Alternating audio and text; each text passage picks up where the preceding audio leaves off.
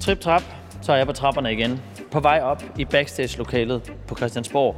Eller det er i hvert fald det, jeg har valgt at kalde det, Grønlandsværelset. I dag der skal det handle om lovgivning. Og ja, det kan godt lyde en, øh, en anelse tørt, men, øh, men det er jo sådan set det, det hele handler om herinde. Det er det politiske arbejde. Selvom det måske ikke altid ser sådan ud udefra. Jeg tænker nogle gange, at politikerne nærmest er mere fokuseret på at blive genvalgt og se godt ud i medierne, end rent faktisk at få udformet noget lovgivning. Men hey, måske er det også for det bedste. For har de overhovedet fået sat sig godt nok ind i stoffet, inden de sidder og stemmer om det nede i salen? Det må jeg spørge mine to gæster om i dag. Det er Sofie Løde fra Venstre. Jeg tror, hvis man kun skulle stemme for lovforslag, man var 100% enig i, så skulle man lave sit eget øh, parti. Og Jakob Mark fra SF. Jeg synes godt, vi kunne kritisere os selv lidt for at være for dårlige til at følge ordentligt op. Mit navn er stadig Esben Bjerre. Velkommen til Born Backstage.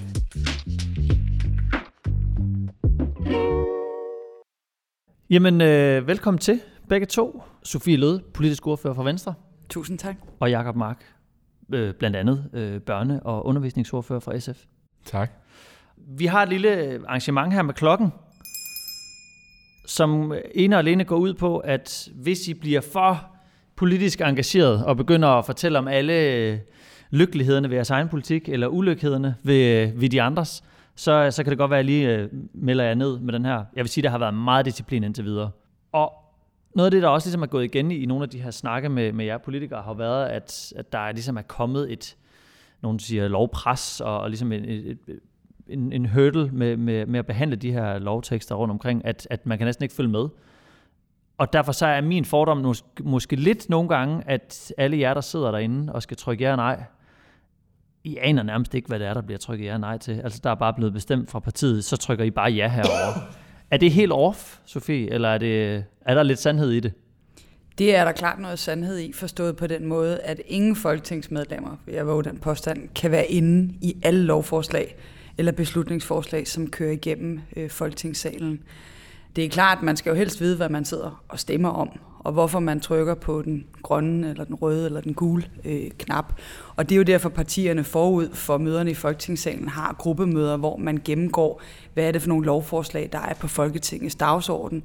Hvorfor stiller vi os som parti øh, i en given sag, som, øh, som man gør. Men nede i materien, og dermed hvad der er inde i maven på de enkelte lovforslag, det kan du ikke vide som øh, folketingsmedlem på alle øh, lovforslag. Du ved det på dem, du er ordfører for, for der har du ansvaret på vegne af dit parti til at sætte dig ind, også i øh, nogle af de mange detaljer, som, øh, som lovforslagene indeholder, og hvor djævlen også nogle gange befinder sig. Hvad tænker du, Jacob? Er det, øh, altså, er det rigtigt, at man nogle gange bare sidder dernede og, og trykker i blinde? Øh, nej, det, men du trykker i blinde på forslag, øh, som hører til en anden ordfører. Det er jo også det, Sofie ja. siger, ikke? Altså, Øhm, på og det er ligesom en del af det. Det er ligesom en del af det. Du kan ikke, du, der er simpelthen ikke timer nok i døgnet til, at du kan vide noget om alle lovforslag. Og der, det er jo også det, parti er. Det er jo et meningsfællesskab. Så jeg ved, at når der kommer... Jeg er jo ikke, jeg er jo ikke beskæftigelsesordfører. Men så ved jeg, når der kommer et forslag om arbejdsmarkedet, og sådan, så, så er det op til vores beskæftigelsesordfører at sige i gruppen, hey, øh, den her lov, der har vi altså lige brug for at diskutere det her, for det kan være lidt svært for SF, eller det skal vi lige tage stilling til. Øh, men jeg har jo en høj grad tillid til, at han gør det rigtige og siger, hvad vi skal stemme på det. Og så siger jeg på skole- og børneområdet, hvad han skal stemme, og de andre skal stemme. Men det er jo klart, at hvis man så kommer ned i salen en dag, og man opdager, wow, der indstillede du altså noget, der var helt væk, eller det er jeg godt nok uenig i, så har han jo ikke gjort sin opgave godt nok, for så har, vi, så har han jo ikke været dygtig nok til at se, hvad er det, vi lige bør diskutere på forhånd. Hvordan foregår det her arbejde helt, helt lavpraktisk? Altså fra at man som enten regering eller, eller beslutningstager gerne vil, vil fremsætte et lovforslag? Det er meget afhængigt af, vil jeg sige, hvilken sag eller hvilket område du, øh, du sidder med. Nu har jeg jo selv prøvet og haft det privilegie også at være øh, sundheds- og ældreminister, og der starter du længe inden, at et lovforslag havner i Folketingssalen med at arbejde øh, med indholdet, hvor du er i dialog med øh, organisationer, og øh, det kan også være øh, Øh, borgere og andre interesserede på nogle områder i forhold til de områder, du sidder og laver nogle ændringer indenfor. Du har lovforslag, der kommer i høring også, inden det bliver fremsat for Folketinget. Så jeg vil egentlig sige, som minister begynder du at arbejde med et lovforslag længe inden, at Folketinget kommer på banen. Og så er det klart, at når det så er blevet fremsat for Folketinget, så øh, sidder man jo typisk og arbejder med det i Folketingets udvalg, hvor du stiller spørgsmål til ministerne. Du har måske deputationer, det vil sige folk, der kommer udefra og kommer med nogle input til et øh, lovforslag over for udvalgets medlemmer. Du kan have en minister i samråd, hvis man er i tvivl omkring konsekvenserne ved et givet lovforslag, hvor man har behov for at få en udvidet drøftelse af et lovforslag.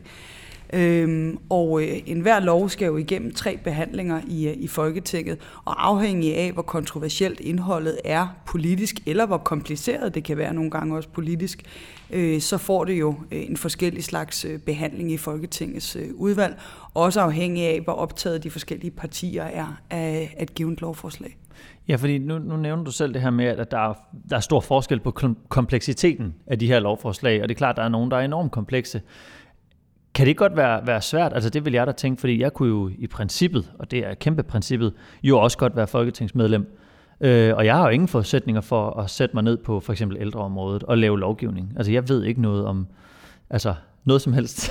øh, så, så, så hvordan sikrer vi os som borgere, at I som politikere faktisk ved, hvad der er, I sidder med?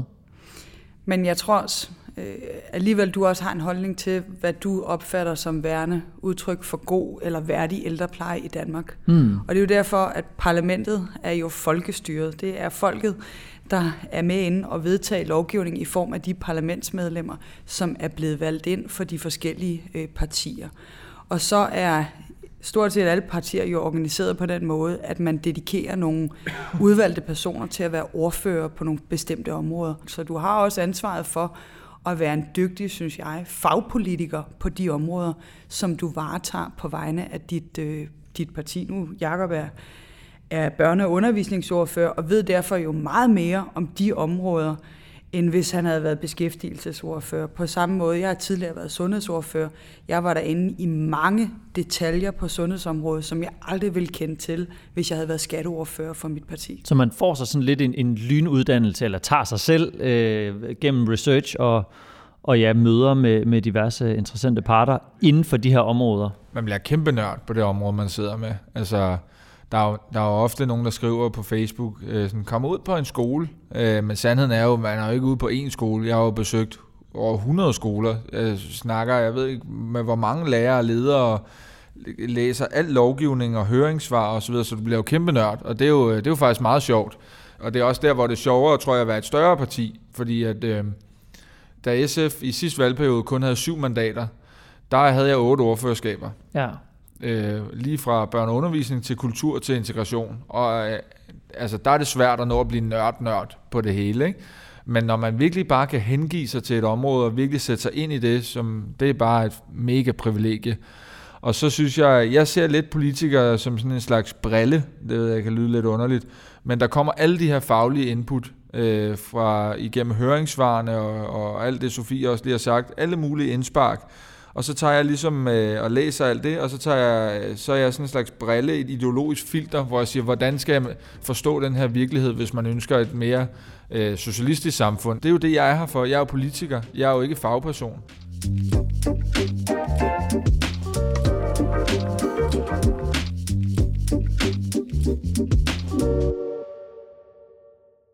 Hvem er det, der ligesom har styringen over, hvem er det, vi skal have input fra?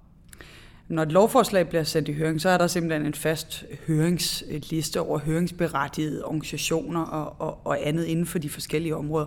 Og du oplever altså også tit, at der er nogle organisationer, der, siger, der skriver tilbage, vi har ingen kommentarer, okay. hvis det er noget, de synes, der ligger langt fra deres, det har ikke noget med vores fagområde. deres område. Okay. Derudover kan alle indsende et høringssvar. Hvis du eksempelvis... Vil jeg teknisk set kunne indsende et høringssvar, ja, hvis I er ved at lave noget om, lad os sige, elbiler eller podcast, så kunne jeg lige skrive, hvad har I gang i? Ja, så kan du enten skrive en øh, mail til hele Folketinget, du kunne skrive til de ordfører, der var øh, på det pågældende lovforslag, du kunne indsende et øh, høringssvar. Alle danskere kan gå ind på høringsportalen og se, hvad der er i høring lige netop nu her på de forskellige ministerområder. Og du vil også kunne bede om foretræde for et udvalg, hvor du kommer ind for en hel Nu begynder det at lyde noget, synes jeg. hvor du simpelthen kommer ind for en udvalg, øh, hvor alle ordførerne sidder, og så får du 15 minutter til bare at sidde og, øh, og propagandere for din sag. Og hvordan fungerer det det her? Fordi så bliver der så sendt høringssvar fra, fra organisationer, fra interessenter. hvor ender de, altså ender de så hos, hos ordførerne, og så skal I ligesom sidde, så er det jeres ansvar for at læse det igennem, og, og vælge, jamen, hvad, hvad synes vi, vi skal tage med af det her, eller hvordan fungerer Vi får både øh, høringssvar, men også et høringsnotat. Høringssvarene, det er jo deres fulde form. Altså alle de mange organisationer, der har noget på hjerte, alt hvad de skriver, ja. det er ligesom der. Høringsnotatet, der har øh, man ligesom samlet de vigtigste pointer. Det er en opsummering. Ja. ja, det er en opsummering af det. Og der er meget ofte, så, øh, så er det fint at læse høringsnotatet, og der hvor man sådan, hvorfor siger de det, så dykker man ned i det. Altså da jeg var udlændingoverfører, jeg vidste jo præcis, hvad Amnesty øh, og Dansk Flygtning jeg ville skrive. Øh, nu som skoleoverfører, der ved jeg præcis, hvad Danmarks Lærerforening typisk vil skrive. Ikke? Men hvis der så er noget, hvor jeg tænker, det var sgu lidt anderledes, så dykker jeg jo ned i det i deres høringssvar. Og, og bruger man så deres, altså kan man finde på som, som ordfører, så ligesom at invitere dem ind, eller, eller hvordan fungerer det? Altså ligesom som, som argument, som ekspertargument i, imod ens politiske modstandere? Altså dels så, øh, så bruger jeg det tit på talerstolen. Altså hvis, øh, hvis en regering vælger at gøre noget, hvor både tager børneområdet igen, BUPL, pædagogerne, lærerne, øh, skolelederne, eleverne. Lad os sige, at en regering laver noget, som de alle sammen er uenige i. Så står jeg der og hamrer løs op for talerstolen og siger, nu laver I en ændring af folkeskolen, som ingen ønsker. Øh, så det vil jeg gøre. Jeg kan næsten allerede høre mig selv sige det. Øh. Helt generisk. Heldigvis sker det ikke så tit. Ja.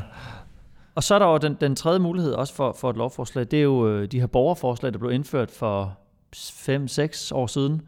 Udefra, der, der kan du nogle gange godt virke sådan lidt tosset med de her borgerforslag, fordi I kunne vel alle sammen bare stille de forslag. Altså ofte så ser man politikere, der ligesom promoverer nogle af de her borgerforslag. Du, se nu her, den er, den er vigtig. I skal, I skal stemme for og, og skrive under. Men har I ikke alle sammen, alle 179, bare muligheden for at stille de forslag, som vi andre så skal samle 50.000 menneskers underskrifter sammen for? Øhm, det er rigtigt, vi kunne selv stille forslagene, de der borgerforslag. Jeg har faktisk oplevet bevægelser sige, jeg, hvor jeg har kontaktet dem og sagt, skal jeg stille det her forslag? Mm. Og så har de sagt, nej, vil du ikke lade være? Fordi vi vil hellere have, at... Øh, for så bliver det for politisk farvet, hvis, ja, det hvis det, det de vil hellere have, at de er 50.000 mennesker og en række bevægelser, der står bag det. Øh, og det, det kan jeg godt se pointen i. Det er også en slags øh, øh, ventil eller en fornemmelse af, hvor er folkestemningen, som er ret interessant.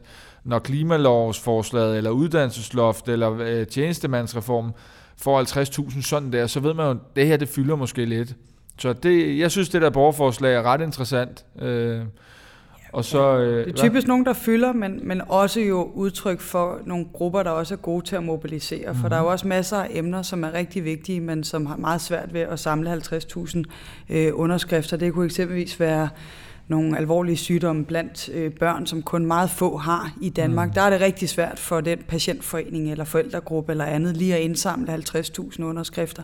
Så jeg synes, man skal se det, som Jacob også siger, som et, som et fint supplement, og mm. noget, der kan fortælle om øh, noget, der er vigtigt, og nogen, der er gode til at mobilisere noget opbakning til, at Folketinget skal behandle det, men man skal passe på ved at sætte det som lighedstegn i, ja. imellem, hvad det også er, der, øh, der entydigt øh, fylder, fordi der er rigtig mange vigtige sager, som måske ikke fylder meget mål på antal personer, men som fylder rigtig meget for mm. de mennesker, som, øh, som, som det vedrører, men som bare udgør nogle meget små mindretal. Mm. Det er rigtigt. Og så er der også nogen, der tror, at øh, hvis et borgerforslag bliver vedtaget, øh, så er det automatisk politik. Altså som siger, hvis bare det... Nej, der kan de blive skuffet. Ja, der bliver de, ja. og det bliver de. Okay. Altså det har jeg virkelig oplevet mange blive, fordi at øh, de tror, at at øh, bliver der stemt grønt, så er det virkeligheden. Men regeringen skal jo omfavne det og gøre det til virkelighed.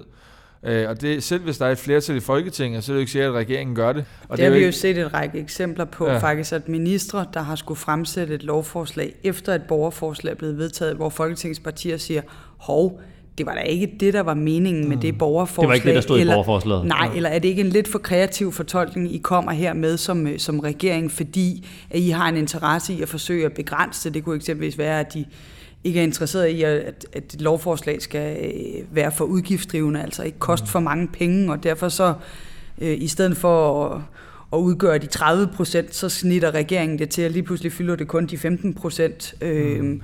Og så er det jo, Folketinget skal, øh, ud fra debatten i Folketingssalen om det pågældende lovforslag, råbe vagt i gevær og sige, at det var faktisk ikke det, vi, øh, vi stemte om. Og der kan man jo som parti påvirke det ved at fremsætte ændringsforslag til lovforslag, som også er en vigtig del af lovbehandlingen her i, øh, i Folketinget, og hvor Folketingets partier hvad end man er øh, opposition eller øh, støtteparti, jo også forsøger at lave nogle alliancer på nogle områder, du kan finde masser af eksempler på, at SF og Venstres politik er forskellig mm. på nogle områder, men vi har også masser af steder, hvor vi sådan set ser øh, ens på nogle forskellige ting, og hvor vi har en interesse i at forsøge at bygge nogle alliancer med henblik på at hjælpe med at få vedtaget nogle ændringsforslag til, til lovgivningen. Mm. En ting er jo det her med hele processen op til, der er en, en lovgivning, der bliver stemt ind i Folketinget. Men så skal det jo udmyndtes på en eller anden måde, og det skal jo ligesom implementeres rundt omkring. Altså er I med til at sørge for, at den så også fungerer efter hensigten, og man følger op på, jamen er der lige pludselig nogen, der falder igennem et net, vi ikke havde troet var der? Altså, ofte er det sådan, at de store politiske beslutninger træffes i forligskredse, altså hvor nogle partier sætter sig sammen over i et ministerium, og så bliver man enige om, hvordan skal virkeligheden ja. være. Øh, og de forligskredse har en forpligtelse til at følge op på det, de beslutter. Man lavede en folkeskoleforligskreds efter folkeskolereformen, eller man videreførte den. Den har jo skulle følge op på, hvordan gik det med den reform. Øh, og sådan er det med alle øh, større reformer, hvor der kommer forlig. Så er der også nogle mindre ting, eller noget, der ikke er forligsbundet. Der ligger der siver over i ministeriet, og der er der måske ikke lige så stor iver for at følge op. Jeg synes godt, vi kunne kritisere os selv lidt for at være for dårlige til at følge ordentligt op. Altså det bliver ofte sådan, at så sætter man et eller andet evalueringsinstitut til at lave en rapport, og så er der nogle få mennesker, der læser den, og der bliver ikke gjort noget ved det. Altså jeg mener faktisk, at man burde øh, følge sådan rigtigt op, og der er også nogen, der snakker om, at de der forligskredse øh, i udgangspunktet bør udløbe. Altså sådan, så når man vedtager et forlig, så i stedet for det evigt, så, så efter 4-5 år, så burde man sætte sig ned og sige, at det stadig sådan her, virkeligheden skal se ud. Det synes jeg selv er en lidt spændende tanke, som jeg går og summer over.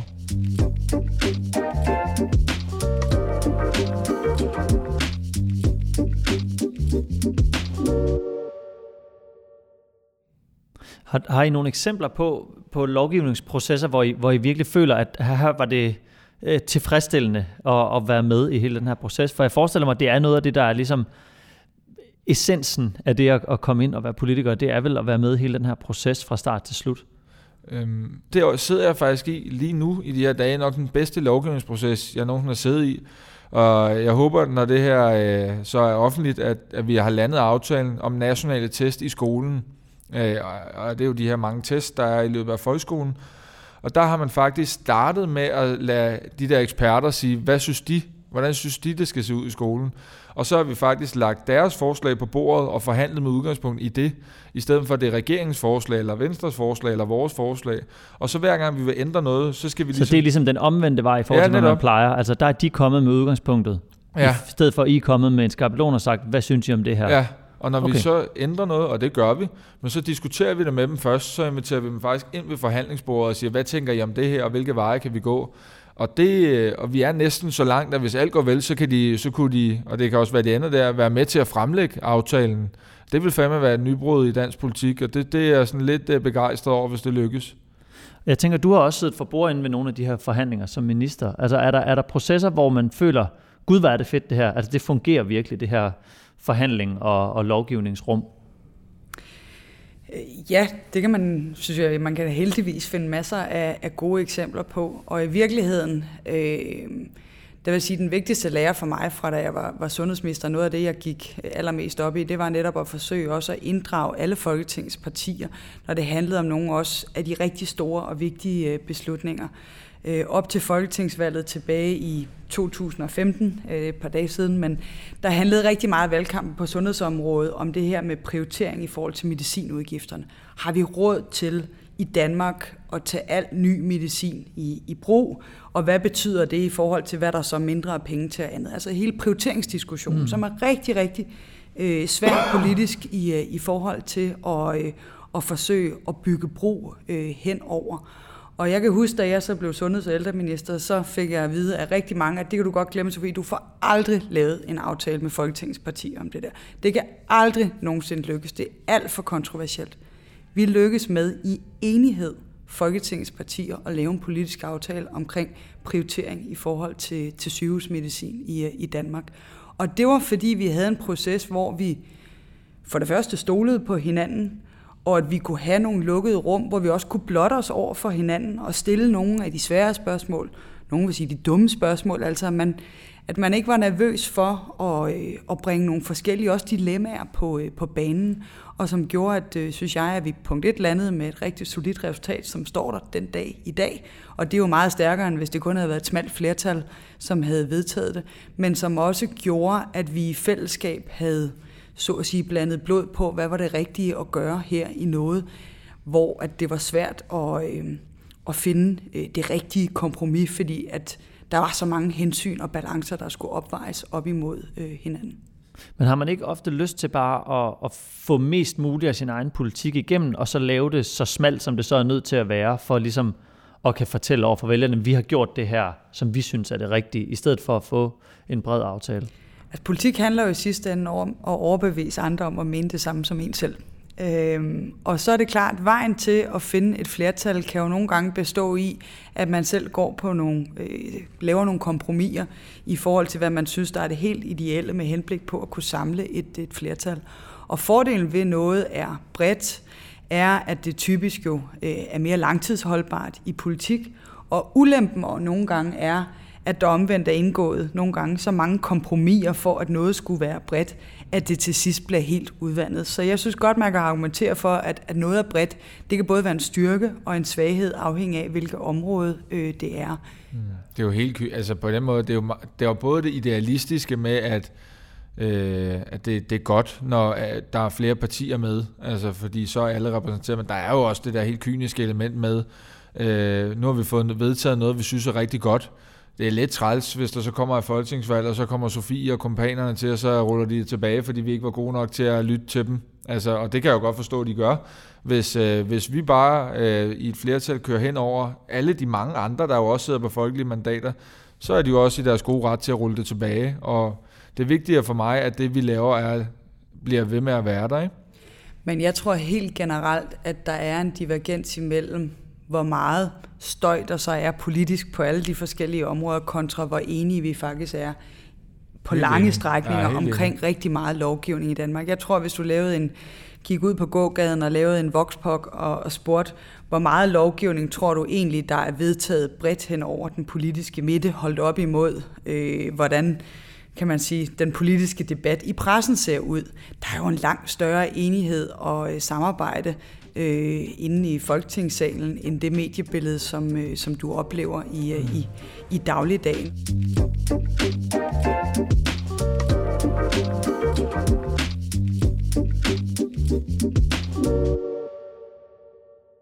Jeg tænker, at noget af det, man så en gang imellem skal, når man er enten regeringsparti eller, eller støtteparti, det er jo, at der bliver stemt noget igennem, som man egentlig ikke er enig i, enten personligt eller, eller som parti men man alligevel skal, skal forsvare på en eller anden måde. Hvordan, hvordan er det som politiker at skal, skal stå på mål for noget, som man nok egentlig ikke helt selv skulle bede om, hvis man selv bestemt?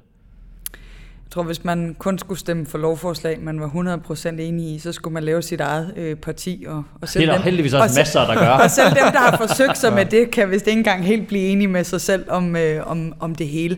Så selvfølgelig indgår man også rigtig mange kompromiser internt i, øh, i sit eget øh, parti, hvor man jo på gruppemøder sidder og diskuterer sig frem til, hvad er det så, øh, der skal være linjen i, et bestemt, øh, i en bestemt sag, eller skal vi stemme for det her lovforslag, selvom at vi kun er enige i 75 procent af det, eller er de sidste procenter så vigtige, at det faktisk kan få os til at trykke på den røde eller på den gule knap i, øh, i Folketingssalen? Mm.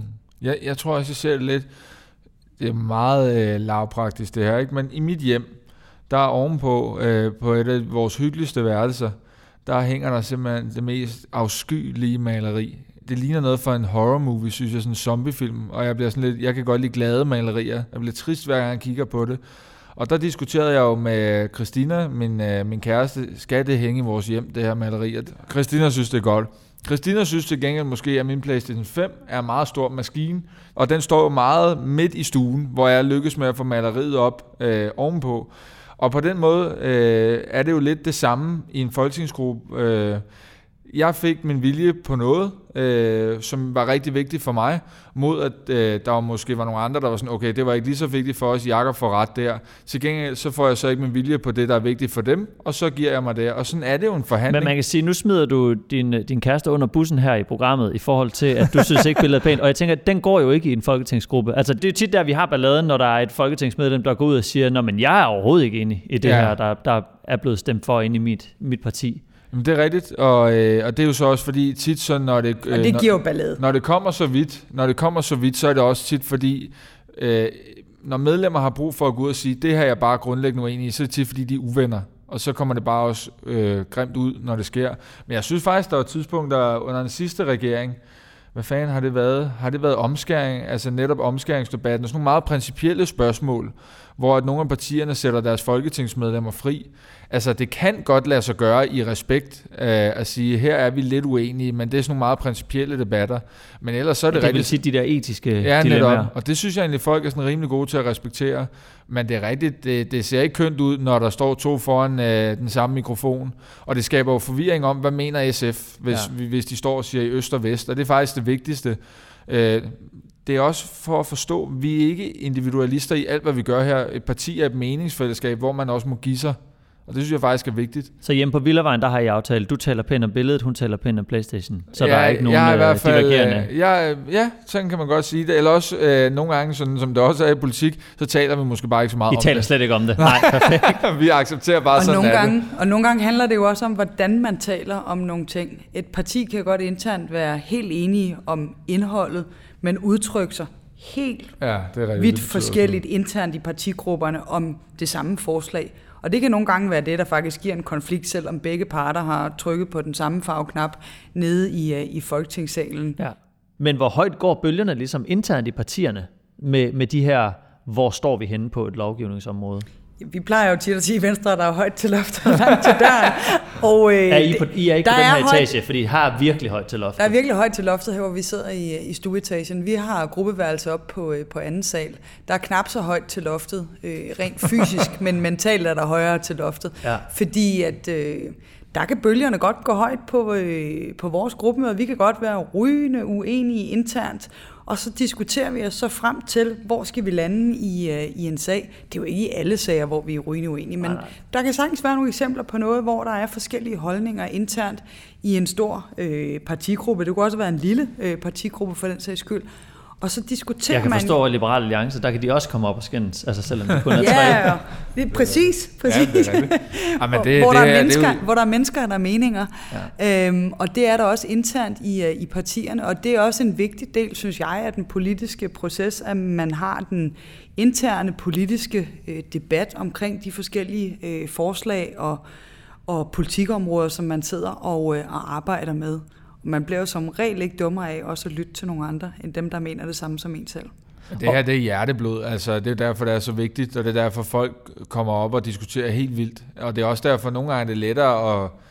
Altså der er nogen, der trives bedre med folk fra andre partier, fra andre fløje, fordi jeg ved godt, hvad Sofie mener, jeg er bare ikke altid enig, og jeg, det er heller ikke mit mål. Men det behøver du heller ikke at være. Nej, det er måske. det, jeg mener. Okay. Men hvor at i SF, der skal vi jo gerne prøve at være enige, så det er, når man så ikke kan være enige, så kan man skulle blive irriteret på den anden, ikke? Så det er, det er hjerteblod, for det er jo det, partiet mener. Hvem, hvem er det så, der i sidste ende skal igennem? Er det partiformanden, eller er det ordføreren på området, eller er det øh, håndsoprækning, eller hvordan fungerer det? Hos os, der fungerer det sådan, at øh, ordføreren for det her lovforslag får lov til at øh, prøve at samle op og se, er der enighed i øh, gruppen omkring det. Hvis ordføreren ikke kan det, øh, eller det man allerede på forhånd kan se, det, kan, det er ikke ordførens opgave, så er det mig, der samler op som gruppeformand. Øh, og i sidste ende, hvis jeg ikke kunne det, så øh, må Pia skære igennem min, min formand, men det har jeg ikke oplevet nu. Altså, så det er min opgave som gruppeformand, at prøve at lave de her kompromiser, så alle føler sig set og hørt, eller skære igennem en gang imellem. Og nogle enkelte gange, så stemmer vi faktisk.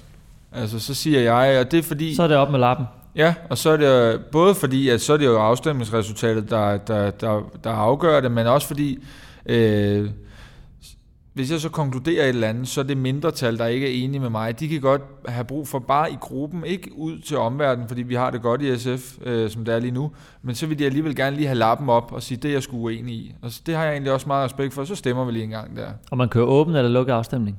øh, åben. Okay. Nej, der er ikke. Det der, er så, der, det der er ikke Ja, ej, på den måde, altså jeg vil synes, jeg havde fejlet som gruppeformand, hvis vi ikke kunne sidde og have en åben afstemning om, hvad vi mener.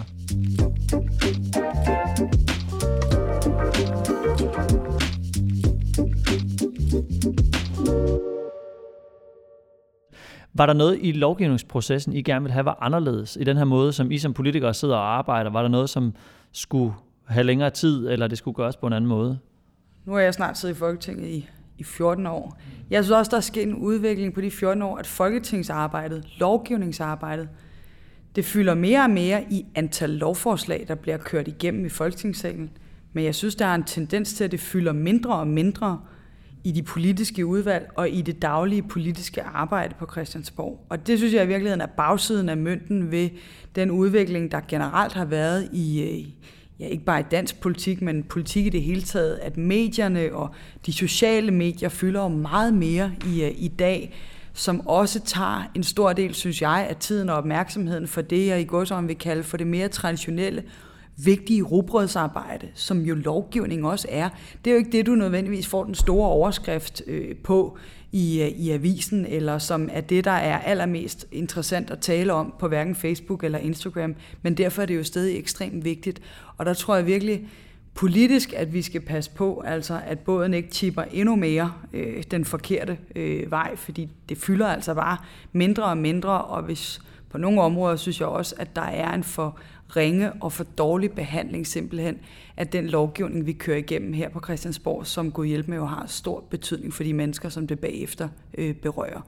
Der Men, kunne vi godt alle sammen, og det, det er ikke ment Nej, fordi der har både været røde og blå noget, regeringer de sidste Og det er overhovedet år, ikke myndet noget, mod nogle bestemte partier eller politikere eller, eller andet forstået på den måde, at det er kulturen, der har ændret sig. Men hvad er det, der er sket? At, at der er kommet så mange flere love, fordi jeg tænker, vores der er vel ikke et eller andet grundlæggende, der har ændret sig i vores samfund. Men det handler ikke kun om, at der er kommet flere love. Det handler også om, synes jeg, at den tid, der bliver brugt på indholdet i loven, og de kræfter, der bliver investeret i lovgivningen, det fylder mindre og mindre, fordi der er nogle andre ting, der er begyndt at fylde mere og mere, og hvor jeg er lidt bekymret for kvaliteten bag lovgivningen i Folketinget, øh, ved at vi bruger mere og mere tid på alt muligt andet, end det, vi sidder og behandler i selve lovgivningen i, øh, i Folketingssalen. Er der noget, I kan gøre ved det, tror du, Jacob?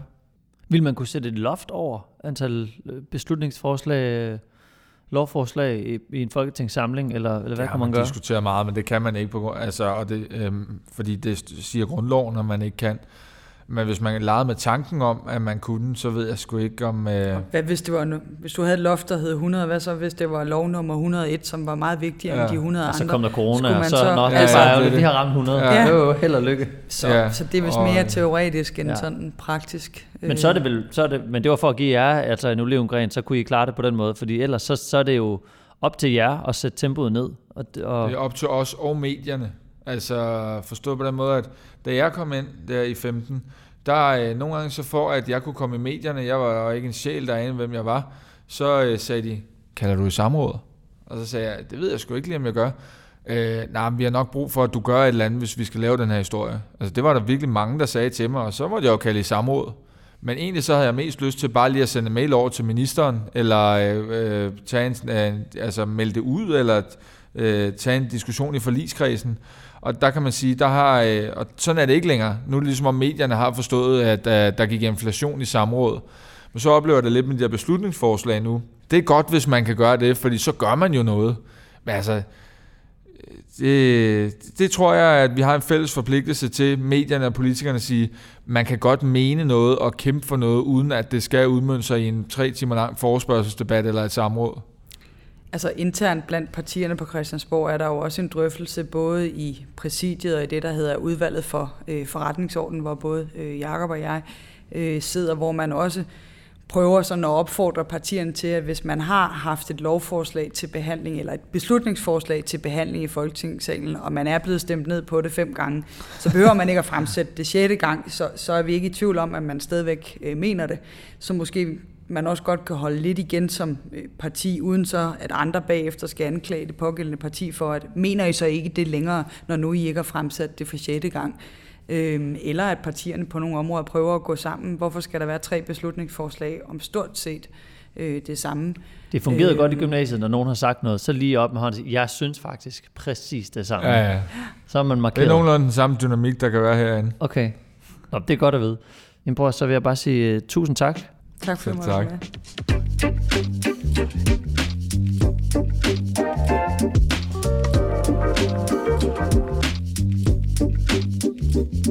schnell.